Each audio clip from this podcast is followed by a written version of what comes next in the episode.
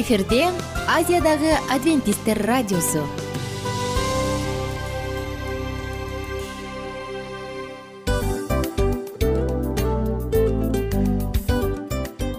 Достор салют. Баардык сүйүктүү угармандарыбызга салам айтабыз. Кутман күнүңүздөр менен. Ден соолук өмүрдүн булагы демекчи саламат саамы программасында баарыңыздарды көргөнүбүзгө абдан кубанычтабыз. Анда алгач амандашып өтөлү арбаңыздар деп. Ден соолугуңуздар кандай элибизде көбүнчө ден соолук кандай дегенде эле жакшы деп жооп беребиз э? ооруп турсак дагы жакшы дейбиз. Анан мен муну айтып ойлойт элем бул абдан сонун сөз депчи анткени бул жакшы деген үмүт да э ооба баары жакшы болот. Баары сонун. Деп үмүттөнүп атып эле өзүбүздү өзүбүз дарылап коебуз. Анысы кандай? Сиздин дагы ден соолугуңуз жакшы беш деген үмүттөбүз чындыгында ден соолук бул өмүрдүн булагы деп бекеринен айтылган эмес деп ойлойм. Кыргыз элинде анткени эгерде ден соолук жок болсо анда адамдын жашоосунда калган баардык керектүү маңыздуу нерселер өзүнүн баалуулугун жоготуп коет. Ошондуктан ден соолук бул эң керектүү нерсе. Ооба туура айтасың кесиптешим. Чынында ден соолугуң жок бир эки үч күн ооруп калсаң эле э кандай болуп калат? Жашоодо көз каранды болуп каласың көп нерсеге жетишпей каласың көп нерсени кыла албай каласың жада калса эшикке дүкөнгө да чыга албай каласың. Туптуура анан ден соолук болсо демек биз биздин бактыбыз тотой деп койсок болот. Анда достор саламат саамы рубрикабызды баштайлы. Алдыда өзүңүзгө керектүү болгон сонун кеңештерди уга аласыздар. Мына ошондуктан биз менен бирге болуңуздар. Ал эми биз болсо милан жана айнура. Кеттик алга. Алга саламат саама ден соолуктун жарчысы. Саламат саама ден соолуктун ачкычы. Күн сайын сиз үчүн мыкты кеңештер сонун жаңылыктар кызыктуу фактылар биздин рубрикада.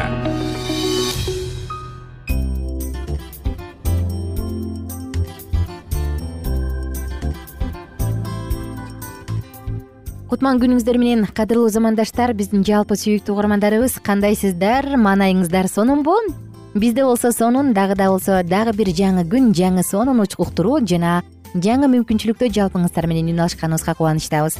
Аты жөнүм айнура миназарова жана бүгүнкү темабыз гипертонияга арналмакчы. Мурунку уктуруубузда гипертония жөнүндө бир аз болсо дагы сөз кылганбыз. Эми бүгүн болсо дал ушул гипертонияда дагы кандай смузи ичсе болот? Бул тууралуу алдыда кененирээк тыңдап жатканыңыз саламат саама рубрикасы жана анын ичинде пайдалуу суусундуктар деп аталган цикл негизи гипертония бир аз маалымат айта кете турган болсок гипертония оорусу жүрөктүн кан тамыр системасынын артерия кан басымынын туруктуу жогорулашы менен мүнөздөлгөн оору. Кан басымы жогору болот э? Бул оору жетимиш беш сексен беш пайыз нерв иштеткенинен пайда болот. Көп кыжаалат болгондон стресстен улам келип чыгат. Анын өрчүсүнө нерв эмоциялык таасирлер туздуу тамак ашты көп ичүү аз кыймылдоо семирүү тамеки тартуу ичкилик себеп болот бул оору менен жумушчуларга караганда акыл эмгеги менен иш кылгандар жана айылда жашагандар көбүрөөк кабылат. Ой шаарда жашагандар. Гипертония оорусу дагы үч стадияга бөлүнөт. Мурункуда биз стадияларын айтып бергенбиз. Эгер кызык болсо карап алсаңыз болот. Анан тилекке каршы гипертонияга чалдыккан адам бул оору менен өмүр бою күрөшүп келет. Бир миң тогуз жүз токсонунчу жылдан тартып жүрөк кан тамыр кан басымдын жогорулашы боюнча ооруп каза болгондор көп кездешүүдө статистика боюнча биздин өлкөдө аталган оорулар боюнча ооруган жарандар көп. Инсульт оорусу көбүнчө кан басым оорусуна чалдыккан адамдарда көп кезигет. Көпчүлүк учурда кан басым жогорулаганда тамырлар жарылып мээге кан кетип инсульт болот. Андан сырткары жүрөктүн инфаркт оорусу гипертония оорусунан улам келип чыгат. Мурда алтымыш жаштан жогору адамдар гана гипертония оорусуна чалдыгып инфаркт жана инсульт болсо азыр он жети жыйырма жаштагы балдар кыздар дагы аталган ооруга чалдыгып жатышат. Тилекке каршы бул оору учурда абдан жашарып бараткан чагы. Мурда союз мезгилинде деп коебуз го. Аталган оору менен ооруп калган адамды эмканалар көзөмөлгө алып дарыгерлер тез тез үйүнө барып кабар алып турчу. Андан сырткары ал оорулуу адамдын үй бүлөсүнө дагы көзөмөлгө алынчу. Ал эми азыр оорулуу адам ооруканага өзү келип көрүнбөсө эч ким үйүнө барып кабар албайт.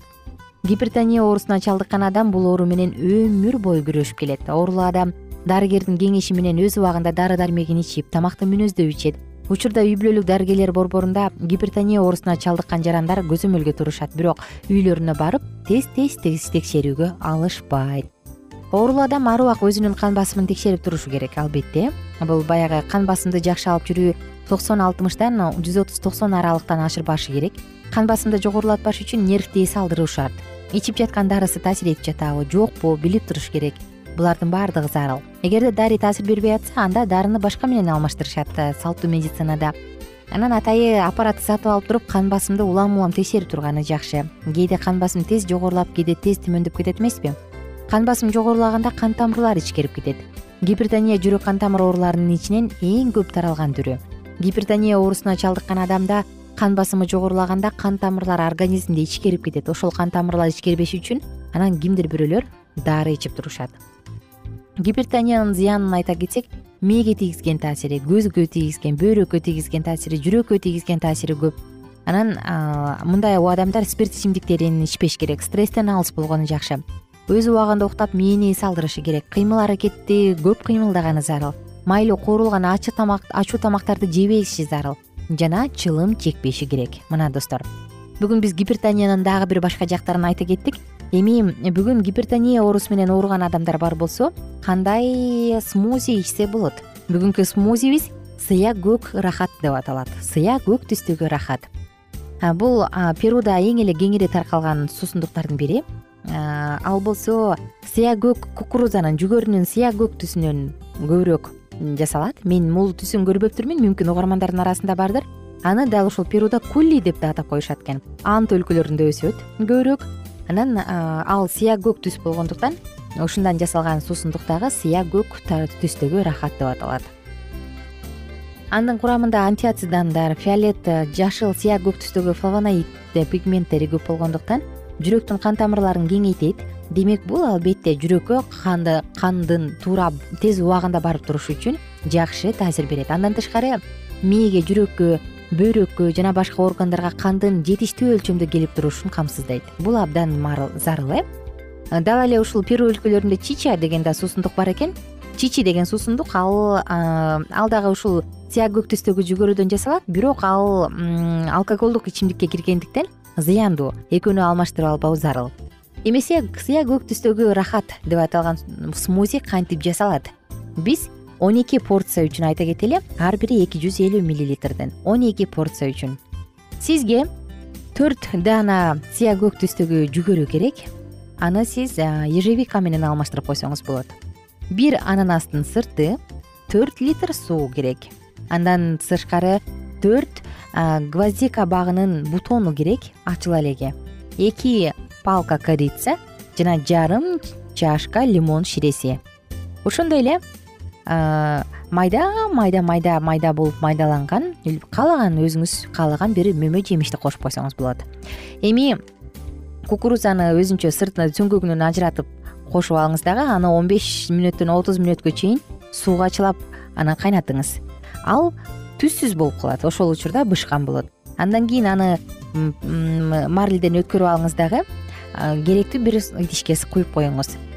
Андан кийин башка кастрюльда эки литр сууну жакшылап кайнатып ага ананастын сыртын гвоздика корицаны кошуңуз. Алардын баардыгын э, кайнап бүткөндөн кийин ситадан өткөрүп алыңыз дагы баягы кукуруза бышкан суусундукка кошуңуз. Эми анын баарын муздатыңыз муздагандан кийин лимон ширесин кошуңуз. Эми кааласаңыз майда туралган алма же башка мөмө жемишин кошуп койсоңуз болот. Анан калориясы төмөн болгон кайсы бир азык менен таттуу кылып даамын чыгарып койсоңуз болот мындай суусундукту бир нече күнгө чейин муздаткычка сактап анан четинен иче берсе болот достор. Мынакей бүгүнкү уктуруубуз дагы гипертония оорусу менен жабыркагандар үчүн болду. Эгерде сиз өзүңүздүн саламаттыгыңызга кам көрсөңүз анда бул нерсени эске алганды унутпаңыз. Мурунку уктуруубузда банан манго корица жөнүндө айтып өткөнбүз аны дагы колдонуп саламаттыгыңызды чыңдаңыз. Оорубаңыздар достор. Кийинки уктуруубуз дагы ушул гипертония жөнүндө болмокчу. Кайрадан амандашканча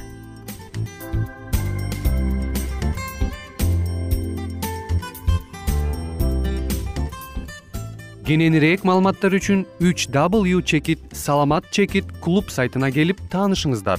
Жана андан тышкары социалдык тармактарда youtube facebook жана instagram баракчаларына катталыңыз.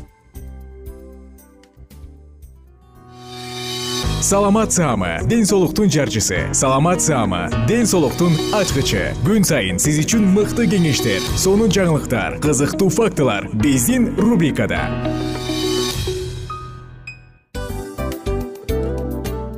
салам достор. Кайрадан биздин сүйүктүү рубрикабызга кош келиңиздер деп айтмакчыбыз.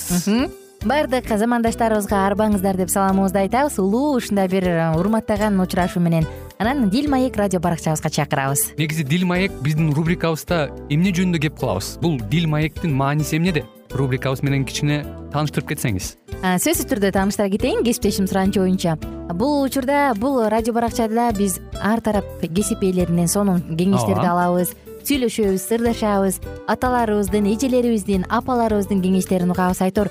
Жан дүйнөгө адамдын э, сапатына адамдын деги эле адам болуп жашашына керектүү баардык кеңештер алдыда. Негизи э, дил маек дегенде баягы эки адамдын ортосундагы сырдашуу кенен сүйлөшүү. Негизи эле биз адамдар бири бирибиз менен бир жерге жай жерге отуруп алып өзүнчө тынч жашоо жөнүндө өмүрүбүздө эмне болуп атканын бөлүшкөнү жакшы көрөбүз э адамдар. Ооба туура айтасың анан мындай учурга кээде убакыт да жетпей келет э? Же болбосо сырыңды кайгыңды муңуңду кубанычыңды айткың келет адамга ишенбешиң мүмкүн. Ооба. А бул радио баракча угармандарыбыздын чыныгы досу анткени бизден алган кеңеш сиздин жашооңузга чоң жардам берет. Ал эми сиздин бизге айта турган сөзүңүз ортодо гана сыр бойдон калат. Ошондуктан биздин дил маек рубрикабызга дагы бир жолу кош келиңиздер. Жана биз даярдаган маалыматтарга даяр болуңуздар. Айнура жана милан сиздер менен бирге алдыга кеттик ар түрдүү ардактуу кесип ээлеринен алтын сөздөр жүрөк ачышкан сыр чачышкан сонун маек дил маек рубрикасында.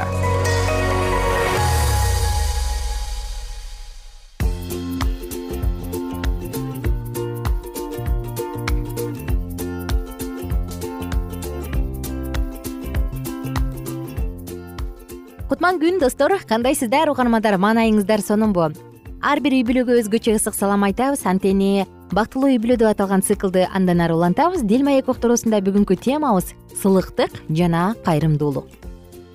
Сылык адамды көргөндө жүрөгүң жылыйт. Кайрымдуу адамды көргөндө дүйнөдө жакшы адамдар бар экени сени кубандырат. Анысы кандай? Бүгүнкү темабыз дал ушул нерсеге арналат. Анан өзгөчө баягы бала чакалуу болгондо башкалар эмне деген каалоону айтат? Ыймандуу болсун кайрымдуу болсун силерге. Силерди эч качан калтырбасын силерди барктасын деген сыяктуу ушундай сөздөрдү айтып келет эмеспи? Анысы кандай достор? Бүгүнкү темабыз дал ушул сылыктык жана кайрымдуулук жөнүндө болмокчу. Бири бириңерге кайрымдуу боорукер болгула деген негиз бар. Бул ыйык китепте инжил китебинде римдиктерге жазылган кат он экинчи бап онунчу аятта жазылган үй бүлөлүк бактылуулуктун эң негизги бөлүгүндө дал ушул бири бириңерге кайрымдуу боорукер болгула деген негиз жатат. Сылыктык ар бир үйдө падышачылык кылышы керек. Сылык болбосоң э орой болсоң анда мамиленин баары бузулат. Ал эч нерсеге турбайт бирок өтө катаал жана одоно чындыктарды жумшартуучу күчкө ээ ар бир убакта болуп жаткан сылыктыкты сыйлап туруу жана башкалар менен дагы биз өзүбүзгө каалагандай мамиле кылуу. Турмуштагы көп сандаган кыйынчылыктардан арылууга чоң жардамын көргөзөт. Эгерде биз өз балдарыбыздын сылык жана кайрымдуу болушун кааласак анда биз өзүбүз аларга үлгү көргөзүшүбүз керек. Бири бириңерге арзыбаган нерседе дагы жакшылыкты каалоочу жана сылык болууну көргөзгүлө одоно сөздөрдү сыйлоочу болбогула кыйкырык сөздөр үйдө угулуп турбашы керек баардыгында кубанычтуу маанай жана кичипейил адет болушу мүмкүн. Балдарды боорукер кубанычтуу жүрүш туруш өзүнө тартып турат. Алар менен боорукер жана сылык болгула. Жана алар ошондой эле жакшылыктын рухун силерге жана бири бирине көргөзүшөт. Силер аркылуу көрүнгөн адептүүлүк жана чыдамдуулук балдарыңардын мүнөзүнө бир эле айта берүүгө караганда алда канча жогору өз таасирин тийгизет балдарыңар туура жүргөнгө аракеттене баштаган мезгилде аларды мактап алар менен жылуу жумшак жарыбыкер мамиле кылгыла. Үй бүлө чөйрөсүндө жакшылык кылууңар үйүңөрдүн караңгылыгын таратып үйүңөрдү кубанычтын жарыгына толтурат. Жумшак ыкма кубаттандыруучу сөздөр жана сүйүү менен айтылып турган кылык жоруктар балдардын ата энелердин жүрөктөрүн сүйүүнүн жумшак түйүнү менен бириктирип турат. Жакшылык кылуудан алган канагаттанууну баштан өткөрүү бирөөдөн аны алганга караганда кубанычтуу деп эпикур айткан. Караңыздарчы кандай сонун сөздөр? Жакшылыкты каалагандыкты көргөзүү жана чыдамдуулук үй бүлөнү бейишке айлантат. Жана ыйык периштелерди үй бүлө чогулушуна чакырат. Бирок алар кыйкырык жаман сөздөр айтылган кыжырлантуучулук бийлик жүргүзгөн жана келишпестик болуп турган үйдү таштап кетишет. Каардуулук ыраазы болбогондук жана ачуулук. Мындай үйгө кудайдын келүүсүнө эшигин жабат.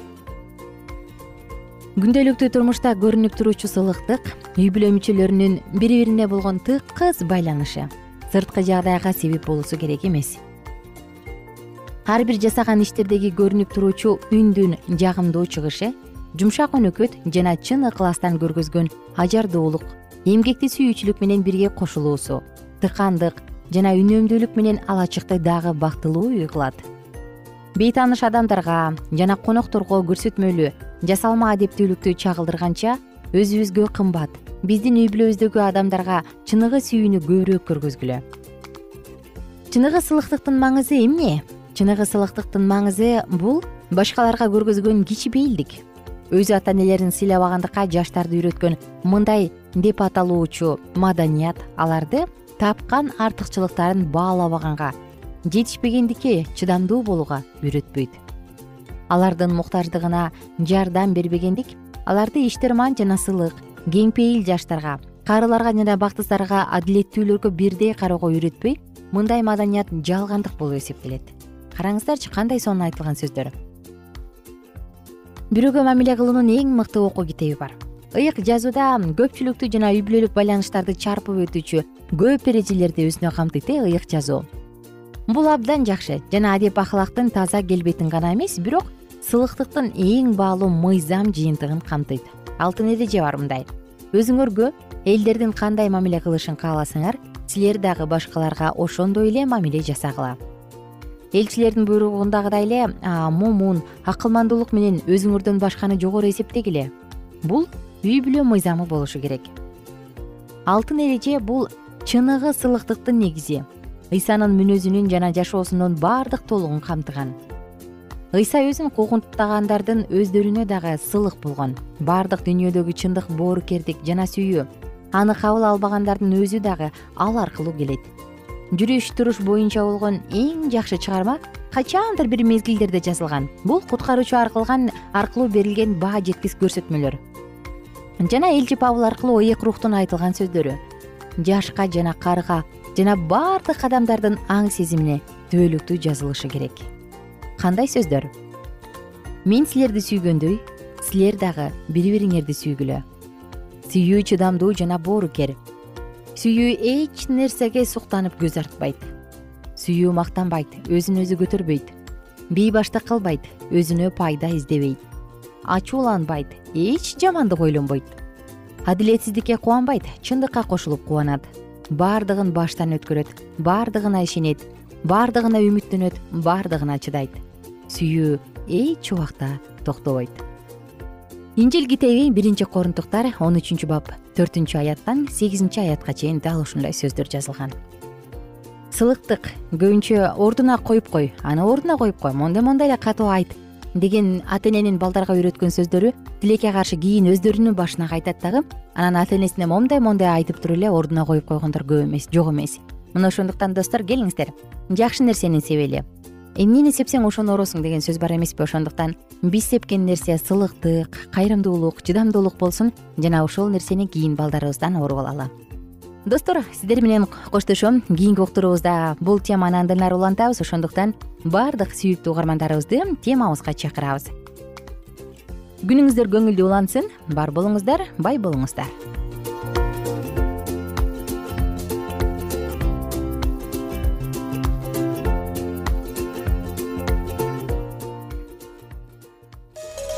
ар түрдүү ардактуу кесип ээлеринен. Алтын сөздөр жүрөк ачышкан сыр чачышкан сонун маек. Дил маек рубрикасында.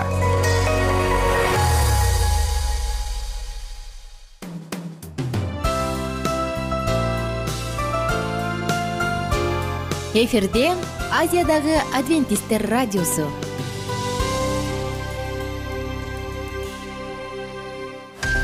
жан дүйнөңдү байыткан жүрөгүңдү азыктанткан жашооңо маңыз тартуулаган жан азык рубрикасы.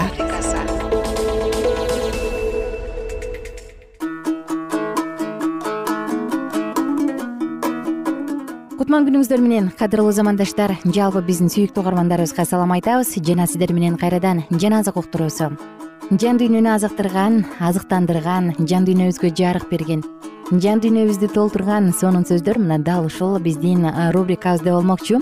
Эске сала кетсек биз мурунку уктуруубузда жакан жазган жакшы кабарды инжил китебинен окуп жатабыз. Анда угармандарыбыздын баардыгын тең дал ушул учурга чакырабыз. Сиздин жеке оюңуз сиздин оюңуз сиздин жашооңузга болгон көз карашыңыз сиздин изденүүңүз балким булардын баардыгы бекер эместир. Мүмкүн дал ушул уктуруудан өзүңүз үчүн сонун жоопторду аларсыз. Анда достор саатыбызды уланталы. Инжил китеби. Жакан жазган китеп жакшы кабар он төртүнчү бөлүм. Кайгырбагыла кудайга жана мага ишенгиле. Атамдын үйүндө орун көп. Эгерде андай болбосо мен силерге айтмакмын мен силерге орун даярдаганы бара жатам. Барып силерге орун даярдап койгондон кийин кайтып келем да мен болгон жерде силер да болушуңар үчүн силерди жаныма алып кетем. Ал эми менин кайда бара жатканымды ал жакка алып баруучу жолду силер билесиңер. Теңир сенин кайда бара жатканыңды билбесек ал жакка алып баруучу жолду кайдан билмек элек деди томас ыйса ага жол чындык жана өмүр менмин. Атама мен аркылуу гана барууга болот. Менсиз эч ким бара албайт. Эгерде мени билсеңер атамды да билмексиңер. Ушул убакыттан тартып аны билип калдыңар жана көрдүңөр деди. Ошондо филипп теңир бизге атаңды көрсөт бизге ошол жетиштүү болот деди. Ыйса ага мындай деп жооп берди ушунча убакыттан бери мен силердин жаныңарда жүрсөм да сен мени тааныбайсыңбы филипп? Мени көргөн адам атамды да көрдү.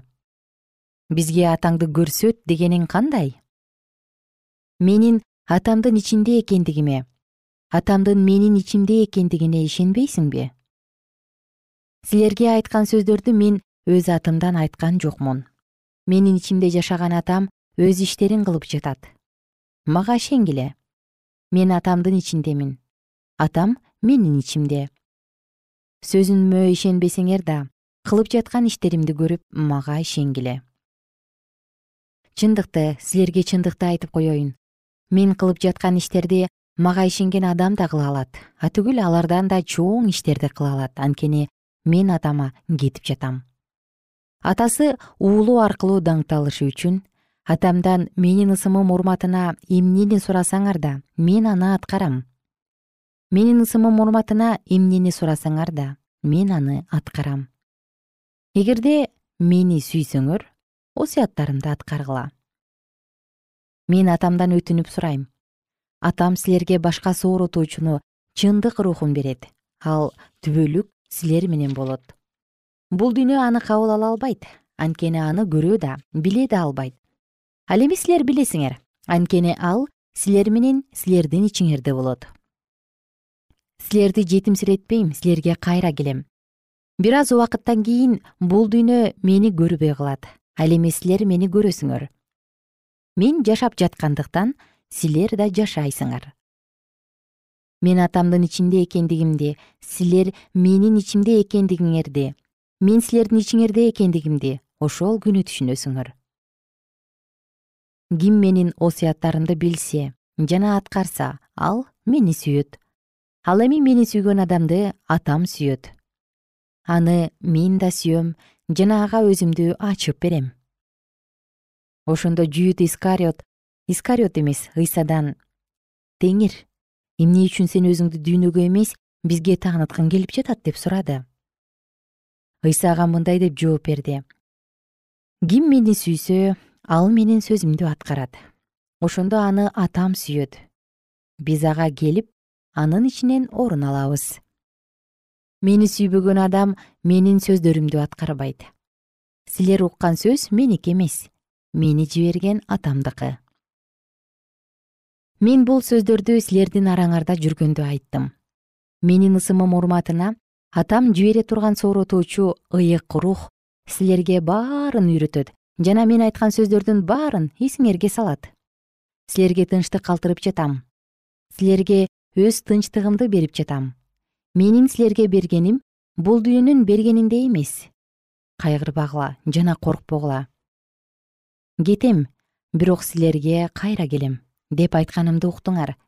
Эгерде мени сүйсөңөр анда менин атама барам деп айтканыма кубанмаксыңар. Анткени атам менден улук мага ишенип калышыңар үчүн мен бул сөздөрдү алдын ала айттым. Алар аткарылгандан кийин силер мага ишенип каласыңар. Эми мен силер менен көп нерсени сүйлөшө албайм. Анткени бул дүйнөнүн төрөсү келе жатат. Менин үстүмөн анын эч кандай бийлиги жок. Бирок дүйнө билсин. Мен атамды сүйөм. Атам мага эмнени осуят кылган болсо мен ошону аткарам. Тургула бул жерден кетели. Жакан жазган жакшы кабар он бешинчи бөлүм. Мен чыныгыз жүзүм сабагымын. Атам болсо жүзүмчү. Мендеги жемиш бербеген ар бир бутакты ал кесип таштайт. Ал эми жемиш берип жаткан ар бир бутакты дагы көбүрөөк жемиш берсин деп тазалайт силер менин сөзүм аркылуу тазаралдыңар менин ичимде болгула ошондо мен силердин ичиңерде болом. Сабактан ажыраган бутак жемиш бере албайт. Ошол сыяктуу эле силер да менин ичимде болбосоңор жемиш бере албайсыңар. Мен сабакмын. Силер болсо бутактарсыңар ким менин ичимде болсо мен анын ичинде болсом ал көп жемиш берет. Анткени силер менсиз эч нерсе кыла албайсыңар. Ким менин ичимде болбосо ал бутак сыяктуу сыртка ыргытылат да куурап калат. Андай бутактарды чогултуп отко ыргытышат алар күйүп кетет. Эгерде менин ичимде болсоңор менин сөздөрүм силердин ичиңерде болсо эмне кааласаңар да сурагыла. Силерге берилет. Эгерде силер көп жемиш берсеңер атам даңкталат менин шакирттерим болосуңар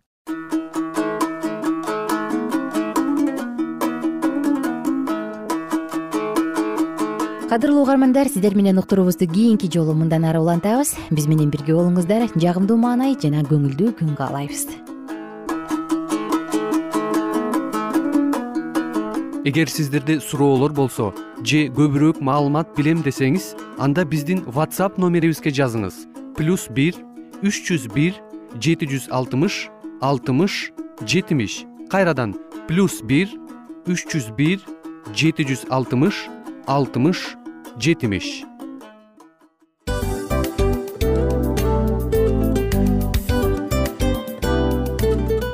Мына ушинтип убакыт дагы тез өтүп кетет экен биз дагы радио уктуруубуздун аягына келип жеттик. Келип кубандырдыңар эми кетип кубандыргыла деп тамашалап калышат эмеспи анысы кандай? Радио баракчабызды программабызды азыр эле баштап аткандай болдук элек мына соңуна келдик э? Негизи убакыт э, билинбей өтүп кетет экен мен дагы убакыт дегенде бүгүн бир адам менен сүйлөшүп калдым. Анан убакыт бул мүмкүнчүлүк деп айтып өзүмө өзүм айтып алып анан мага өзүмө эле кайра ачылыш болду да чын эле. Э, карап отурсаң ошол эле жыйырма төрт саат ошол эле жарым саат кайталанып атат. Бирок сендеги мүмкүнчүлүк жок ошол кой берилип кетти? Анысы кандай? Бүгүнкү сонун убактыңызды алтындай болгон жарым саатыңызды бизге бөлүп арнаганыңыз үчүн ыраазычылык айтабыз.